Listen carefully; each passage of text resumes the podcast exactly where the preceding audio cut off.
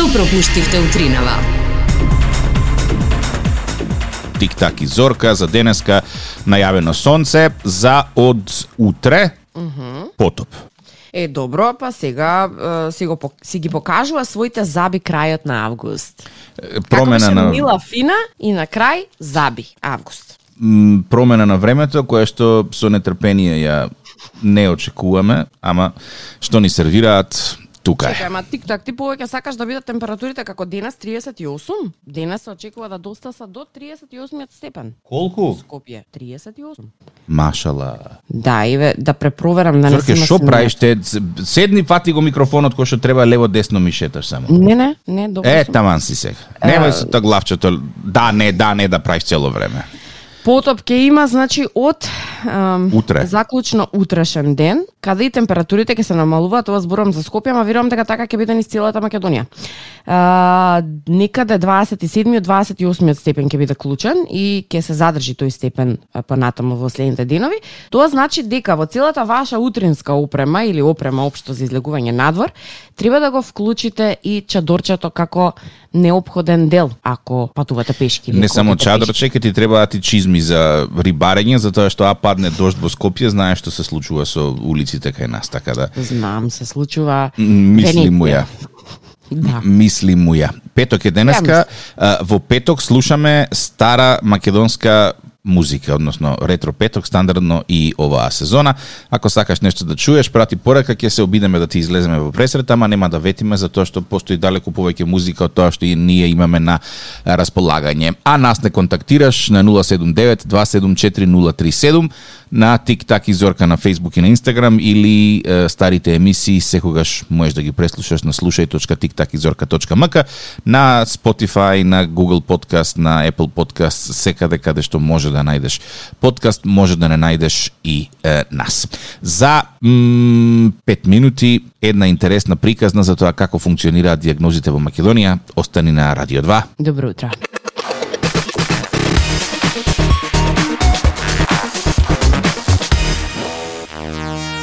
Е, Зорке, сега, ајде. а, тоа што си вети да си исполниш. Е, тоа сакав да, да те прашам. Кога последен пат си била на лекар и си имала потреба да земаш лекови од аптека на терет на фондот? Ау, за среќа многу одамна. Нити сум била на лекар, нити сум земала лекови на терет на фондот. Е, е, работата од пред, што знам, година дена е малку упростена која го измисли електронскиот рецепт. Веќе немаш mm -hmm. пусулче, туку се оди преку компјутер и во принцип за луѓе кои што имаат хронични болести од типот на алергии, работата е упростена, хроничниот рецепт ти важи е, 3, 5, 6 месеци зависно од диагнозата. И така, бидејќи секој пролет лето имам проблеми со алергии, морам да користам едни капки за очи секој ден. Додека Добро. таму некаде дојде средина на септември, престане да да цвета што и да цвета и да да прави и ќе се смират алергиите. И фино културно секој таму 5 6 во месецот си одам во апотека, викам добар ден, добар ден. Дајте ми мене што ми е следување од државата овој месец, им кажувам матичен број, они хи хи ха ха се смешкаат бидејќи нели тоа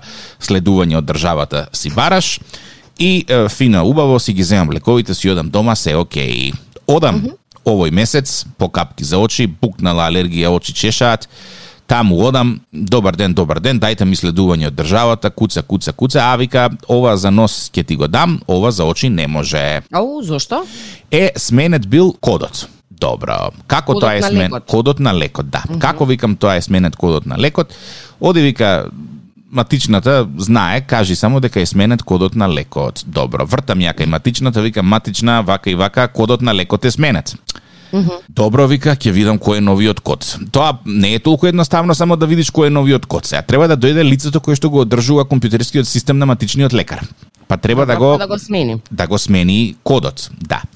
Па откако ќе го смени кодот, матичниот треба да го препише новиот лек. И одам така после три дена, вчера пак, кај е, во аптека, а, а измеѓу викам чекај да не во оваа апотека само име сменет кодот, да влезам ја во друга. И влегувам во друга апотека, истата приказна. Вика сменете кодот, е, лекот на производителот порано Алкон веќе не се произведува, сега се произведува од друг од друга фабрика, од Новартис и мора да се смени кодот поради тоа. Добро. Вчера одам во аптека, Добар ден, добар ден, дајте ми следување од државата, куца таа во компјутер таму и вика леле, ти си прв месецов со точна со точен код за патанол. Така се викаат капките. Е, викам, сполајби, викам, еве го 18 август беше вчера. Драго ми е што ја имам, викам конечно. Гледај, вика, ама вика, не може да ти го дам леков. Зошто? Ја викам зошто? Е, сменете е диагнозата. Како викам сменета Сега кодот на диагнозата е сменет, н- диагнозата е сменета, викам, како тоа е сменета? Е па така вика со оваа диагноза више не може овој лек. Абе викам како не може со оваа диагноза овој лек? Пет години оваа диагноза ја лечам со овој лек. Е да вика, ама сега има промена, сега диагнозата ти е сменета. Па како викам сменета ми е диагнозата, ја не сум бил на лекар да ми ја смени диагнозата. Не, не вика, диагнозата мора да се смени. Овој лек не е за тоа. Како викам вашиот компјутер тамо кажува кој лек за која диагноза е човече. За тоа си постои лекар. И е, така, Зорке, вчера па останав без капки, вртам кај лекарката, викам, докторке, диагноза нова треба.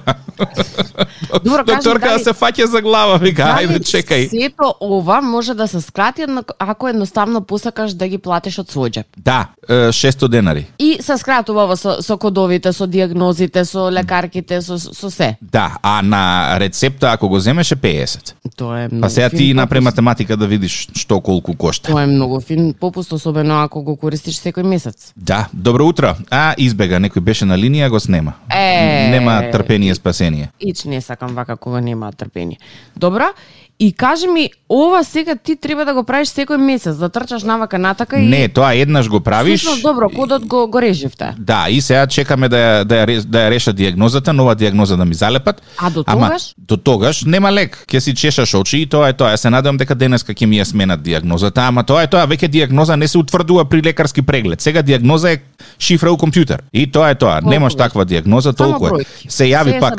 Добро утро. Ало, кај си? А, чекај, не се слушаме. Ало, повели. Ало? Се слушаме? Ало, ало. Јас, ја те слушам, ти дали не слушаш? Ало, Ја ве слушам, а не знам дали сум јас на линија. ти си на линија, кој е на линија ако не си ти? програма, Си повели. Ајде за една музичка желба или две, ако ги имате. Од. Сабајле трено од Дејан Кузмановски или мој Галебе, мој тажен Галебе, како беше од Верица Ристевска. А, втората мислам дека може да ја има од Верица Ристевска. Ќе Може и провериме. првата ја има, ќе провериме. Фала ти многу. А за диагнозата ти си тик-так среќен. Зошто? Само една ти дале, мене ми дадоа 10. Уху, и Леле, 10 замисли на, на некој од нив кодот да се смени. Леле, леле, леле, леле. Не замислувај. никогаш нема да си ги земе Ќе се човекот лековите. веќе се изнервирам, готово. Се изнервирав. Е сега, е, она што е доста интересно е дека не знам дали имаше изминатиот период можност да патуваш некаде Да со патувам. авион. М, Да, пред три месеци. И кажи ми каква беше состојбата, дали се случи откажување на некој лет или се си помина онака како што требаше да си помине. Например, Па, например, е, не е тајна дека во светски рамки се повеќе и повеќе летови се откажуваат. Затоа што И- нема луѓе кои да работи. Да, заради тоа што има недостиг на, на авионски екипаж и тоа чат пат може да ни се случи да не снајде и на нас, значи и нас да не снајде. Меѓутоа, она што е многу позитивно од друга страна е дека барем кај нас ситуацијата е дека многу ретко кога се откажуваат. Тоа е кај нас летови. работници колку сакаш има на аеродром. Има, има. Да, има. И она што е многу интересно е дека апропо ова се очекуваше дека ќе се намали цената заради тоа што не знаеш дали ќе полеташ или нема На билетот, ма јо, Да. цената ќе оди нагоре. Спротивно тоа, цената оди нагоре. И сега се прашувам, сакаш да патуваш некаде подалеку, нели? Не мора да е одмор, веќе одморите полека полека помина. Меѓутоа некој патување имаш. Имаш работа надвор од од нашава земја. Па најсоодветно ти е да појдеш со авион. Кој е поентата? Да платиш висока цена за авиобилет и да не знаеш на крај дали ќе полета или нема да полета авионот. Добро. А најчесто сите е нели врзано со кратки рокови и со време, затоа и одиш со авион, инаку веројатно би си изнајмил оние фан бас или би, би тргнал со автомобил. Би тргнал со автомобил. Би тргнал, да, ма ако си некаде близко, некаде каде што може да се извози. Па и ако далеку, провинцијата- мада веруе ми, сум правил математики за тоа колку чини да се оди некаде со кола, а колку со авион. За долги дестинации авионот е поевтина варијанта. Поевтина варијанта, а и побрза варијанта во секој случај. Например, одиш Скопје Белград, едно лице со авионе поевтино. Добро. Две Од- лица се со сегашниве цени на бензин, така така, пата пата дали ќе одиш со кола или не, а веќе над три лица со кола е поевтино. Под услов да го делиш бензинот. Хм, интересно. Знаеш што, а, имав можност прв пат во животот да присуствувам на, на ваков свечен чин, откажување на лет. Многу свечено, предсвечено. Едва чекаш да си дојдеш дома и ти кажуваат, знаете што, нели прво е одложен летот неколку пати на крај велат летот откажан. Да, тоа е кога ќе видиш е одложено еднаш, а ова готово. Македонци на странски аеродром се групираат леле, како ќе си дојдеме дома? Леле, што ќе полека Колку групи се направија Зорке? Полека бе, 4-5. Значи така, секоја опозиција и позиција. Имаш едни што Опозиција, позиција, да, едни ништо, нисам знаела, нисам одавде. И уште една група има што стварно се изгубени, ама сериозно се и тие изгубени. кај дуа ветеро таму ода. Тие се Да, секојаш прво, на Тие слушаат од едната група, па слушаат од другата група. Едната група беше е, групирана да си оди со летот во 5.45 од друг аеродром во друг град. Другата група се групираше да си оди од истиот аеродром со друг лет е, кон Белград. Третава група А во собствена режија сите или Па во собствена режија, затоа што појма немавме што ќе се случува натака. Наводно компанијата ќе ги рефундира средствата, меѓутоа беше многу неорганизирано и беше страшно. Хаос. Колку не беше организирано, сами моравме да се организираме, не е ни важно, на крај се организиравме, нели ќе се снајдеш. А, меѓутоа, многу е интересно дека се делат на четири групи, секогаш? секогаш, да, некогаш и петта група, немаше веројатно доволно патници за да се подели петта група, меѓутоа на четири фини групи и е, гласни сме. Како народ сме многу гласни и загрижени како ќе се дојме дома полека да никој нема да не остане тука, верувај. Да, не, да. не да се Ама не, ќе те ќе те чуваат 2 3 4 5 дена Она и потоа ќе биде да, не го знаев. чао пријатно. Оно што јас не го знаев дека во тој период, односно во сега периодов, е дека многу од летовите на светско ниво се откажани. Кај нас, на пример, еве сега баш читам информација, откажани летови има, но процентот е многу мал. На пример, во јули, од вкупно 1572 планирани летови на Скопскиот аеродром, само 30 лета биле откажани, што представува е 1,9% малку. 9% да од вкупниот собраќај. Значи дека откажувањата што се случуваат, е, нели ситуацијата не е толку изразена како на европските аеродроми, каде што обемот на дневно ниво е и далеку поголем, на пример. Ама и да се види да се откаже летот кај нас, што кај нас се све почетни летови. Не си тргнал у 8, ќе тргнеш у 12. Кој лета некаде и конекција му е Скопје. Плиз. Да, тоа не сум размислувала. Има ли некој таков конекција да му е Скопје? Нема. Најчистите конекции се веројатно Истанбул, а... Сирих, Виена. Да, Виена и, и, и е Цирих не сум била. Не ми се случило да, да се поврзувам од таму. Ама, да, најчист, најчистите конекции од кај нас ти се или Истанбул, или Виена, или ете ти што велиш Цирих.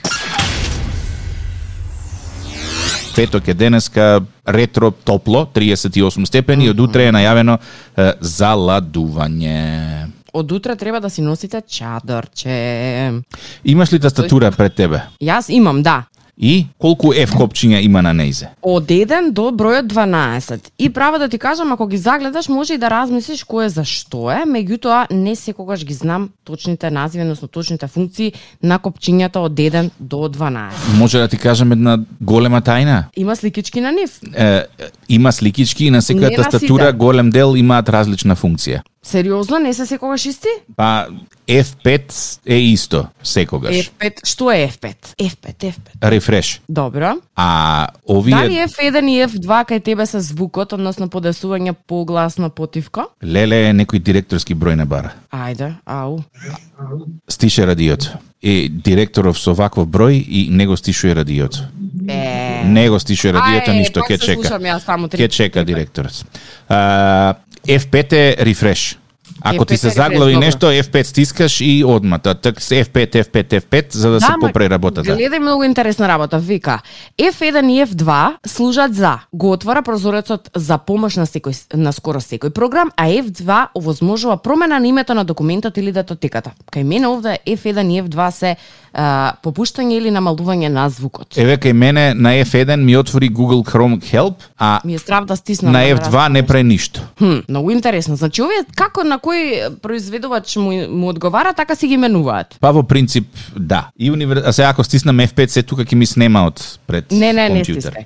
А F3, Звук Што ти вика. отвора F3? Звук. Каков звук? Па- Уна што е кај мене F1 и F2, кај тебе F3. Нема F3 не реаги. F3 срчот ми го отвара. Да, вели отвара опцијата за пребарување врзана за апликацијата која е активна во тој момент. Да, еве на Google срчот. А ми го- F4 само по себе ништо. Ништо. Ама Alt F4 го затвара активниот прозорец. Леле, секој ќе се растискам со прстиме вака. Некој од страна кој ќе ме гледа рече види, види хакер. Джоа пијано свириш Зорке. Да, да, многу од секогаш сакав вака кога ќе ги гледам, знаеш оние кои што многу работат на компјутери, реално работат со програми и со прстите ги знаат сите шифри. Јас од шифри знам само ако ми се укочи компјутерот како да го да му направам шатдаун. Тоа е мојата Кажа сите опција. шифри кога да, кога да работиш у некој маркетка. Која е шифра на производов? 328351 МК. А немаат уствари они а може и имаат? Немаат, немаат. Немаат, а добро. Ете колку сум работила маркет. Што ти се наоѓа на F6? Што ти се наоѓа А, ме F6? носи кај што се куца на Google. Ми го, ми го, ми го осветлува search барот. Ти го осветлува ср... Абе, што користиш ти? Ја имам гейминг тастатура со, А, добро. со толку е- многу F копчиња што користам, да. Колку е в копчиња имаш? F до 12. Секогаш се 12. Толку сте. Толку. Замисли си купиш тастатура со F58. Треба да направат со овие F копчињева комбинации ко на шах. Имаш GF4, имаш AF3, имаш BF7. Е, тек тогаш со шорткатиот комбинации има глава да те боли. А, например, дали што ти се појавува на F12? Па има некоја лупа и ми се појавува некој код. Леле, ова сега компјутеров ми изгледа како да работам у некоја агенција за хакирање. Слушај, ајде да престанеме пред да се откачиме под некоја случајност од програма. Те молам, готово.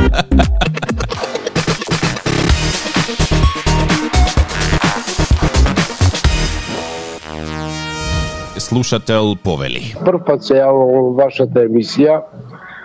Ви посакувам добро здравје и стално да сте вака со позитивна енергија, кој разубавувате не само денот, него не правите и стрекни. Многу сум ви благодарен на ваквиот вид на емисија кој што целосно од Сабајле давате, односно внесувате позитивна енергија на секој еден ке потенцирам човек прекрасна музика. Од Сабајлево ги слушав нашите Сашка Петковска, Јупка Димитровска, Нина Смирова и ред други доајени, покојни, нека им е лесна земја. Вам лично на двајцата со заедничко име човек ви посакувам добро здравје, среќа и продолжете вака да ни несувате позитивна енергија во секојдневниот живот. Здрави, живи и пријатно од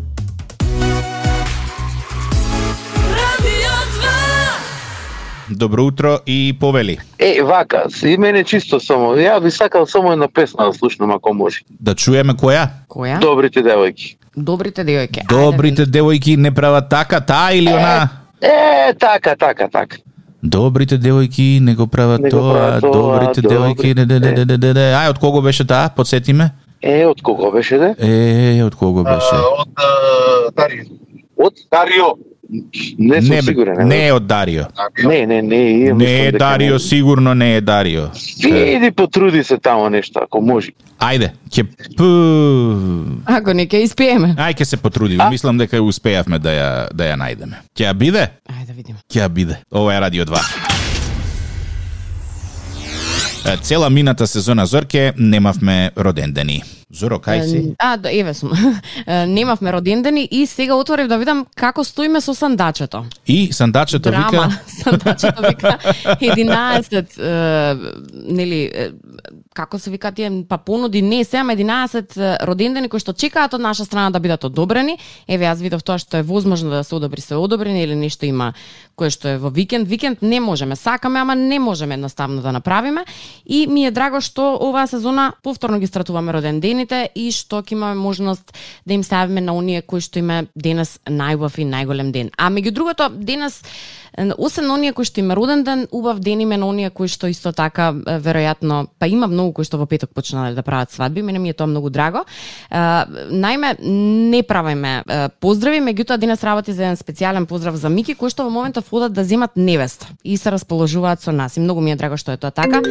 Огромен поздрав до вас. А сега мислам дека е време за роден ден број 1. Сега ќе го правиме или малку Да, покасно? вртиме. Ајде, може. Ало? Ало, Никола, добро утро. Добро утро. Лјупчо е на телефон, како си? Добро, супер. Е, абе едно прашање. А, ми кажаа дека возиш камион, така? Да? Кажи ми, дали постои опција тој камион бе да го изрентаме, да не повозиш низ Македонија за роденденска журка? Една немаме пасош и устранство да одиме, па да направиме една тура од Охрид до Гевгелија. Нема проблем, може. Во секое време. Може? Празен Да. колку колку кубика е празен позади? Па 120 кубика. Колку е тоа у метри од прилика? А, 14 метри, 13,6. О, супер, ќе ставиме значи две-три клупи, ќе ставиме масичка една за скара, ќе бапнеме шипка у средина. Горе се рада е, така? Не, фургонева, кланјача. О, супер, значи може да ја се зашрафиме. Добро, е сега кажи ми како ја ја хендла воžњата? По кај нас знаеш какви се патиштава, дупка до дупка да не си истори пијачката внатре па белја да Ич направиме. нема гајле за тоа. Не, сигурен си? Безбедно, безбедно сигурно без гајле, да. Добро, цена? Ке се договориме. Лесна работа. Чим е роденденска журка, ке се договориме. Е, а денеска чиф роден ден исто така. Е, мојот. Е, среќен роден ден. Среќен роден ден. Фала, фала, здрави живи. Знаеш ли кога честиткава? Не знам. Да ти олеснам. Од Да таа што најмногу те сака, од Кики. А од Кики, фала многу. А ние сме. Тик-так и Зорка од Радио Тик-так 2. и Зорка ве позна. А, не позна. Фала ви многу. Убав. Убав ден и на тебе. Да си жив и здрав. Е, многу ми е драго што со вакви насмејани лица ја почнуваме сезоната и отвараме официјално честитење честитање родендени, а е, неке му е убав денот ет на, на Никола, ние ќе си продолжиме понатаму. сите ние е, сме биле тинејџери некогаш, сите ние сме имале своји бубачки во главите, ама Зорке, овие новиве деца немаат услуг за ништо. Зошто така мислиш? Затоа што старееме и затоа што мораме да го викаме тоа, затоа што не се согласуваме со тоа што Па тие истото го за нас го велеле бабите, дедовците, мајките, татковците, истото. И сега ние сме тие генерации мајки, татковци, баби, дедовци и сега младиве ни сметате се кога ќе биде така. Така е, ние на времето тегнавме жица со од телефон за да правиме муабет со пријатели, сега децава се затвараат во соба и гледаат во екран. И што е тоа толку страшно? Истото што ние го правевме во малку поинаква форма. Па, така е, да. Ама Ми кажа, истраж... баба ми, ќе го стопиш телефонот со ушето. Толку многу го држиш, толку многу правиш муабет, ќе го стопиш телефон. Ние не стопив до сега ни еден телефон, толку многу време сум на телефон, ама ет. Ама тогаш Не немаше немаше официјални истражувања да го потврдат времето кое што ние го поминувавме на телефон. Сега според Имаше. истражувања Се викаше сметка на крај телефонска. го потврдува моето време секогаш. Е, Добре. Сега, рече си половина од амери- од американските тинејџери велат дека користат интернет, рече си постојано. Според ново истражување објавено пред неколку дена, истражени биле 1316 тинејџери, а се навлегло во технолошките навики на тинејџерите. Е, Процент на тинејџери кои пријавиле рече си постојано ниво на присуство на интернет е значително зголемен во однос на истражувањето во 2015 година. Ама па и интернетот стана подостапен. Facebook повеќе не е доминантна сила во животот на американските тинејџери. Само 32% од тинејџерите користат Facebook. И овие 32 ги имаат натерано мајка им и татко им. Ставај слики баба да те види, ставај слики тета да те види. Најверојатно, Facebook сега е надминат од YouTube, TikTok, Instagram и е, Snapchat. Што значи, драги баби, дедовци, тетки и чичковци, ако сакате да бидете во фокусот, односно да знаете што вашите внуци прават, можете слободно да побарате нивна помош и да искреирате можеби TikTok профил или профил на YouTube, каде што ќе можете да гледате што тие прават, ставаат, креираат како контент и да бидете во текот со она што се случува.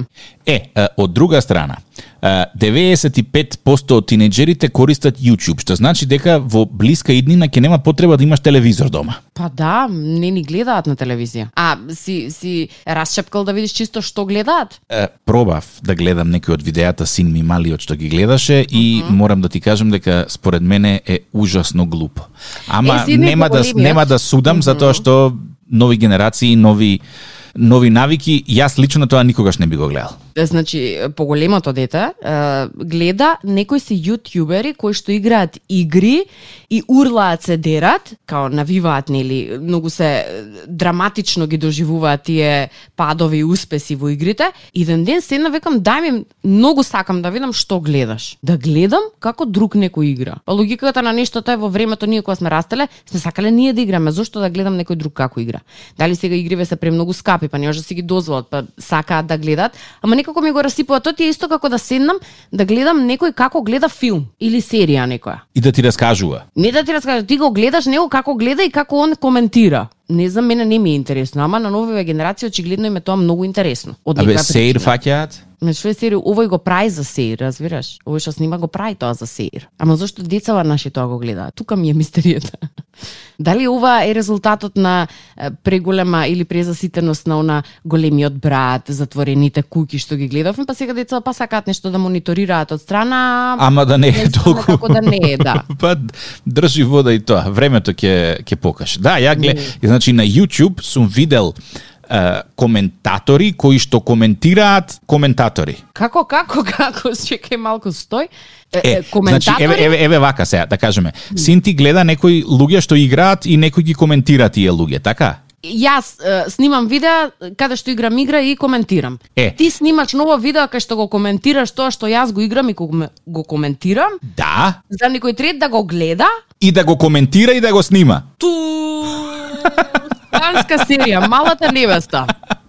Или бандини, евентуално. Натаму оди е, водат. Како и да е, нови времења, нови технологии и нови навики. Замисли го ова, само замисли го ова. Епизода 28, не знам, игра таа и таа. Добар ден. Денес ќе го коментираме она што го коментираше Тиктак, на она што го коментираше Зорка, на она што го коментираше Тиктак. Види, во политиката тоа се вика реплика на реплика. На реплика. На реплика. Пази, ти за да го гледаш третото видео треба да ги имаш изгледано првите две. Така е, ама тера времето. Сагата продолжува. Тиктак и Зорка, facebook.com, коса црта Тиктак и Зорка, Instagram Тиктак и Зорка, телефон 079 274 037. Сите оние емисии кои што ги пропушташ во текот на утрото, можеш да ги слушаш и на слушај.тиктакизорка.мк.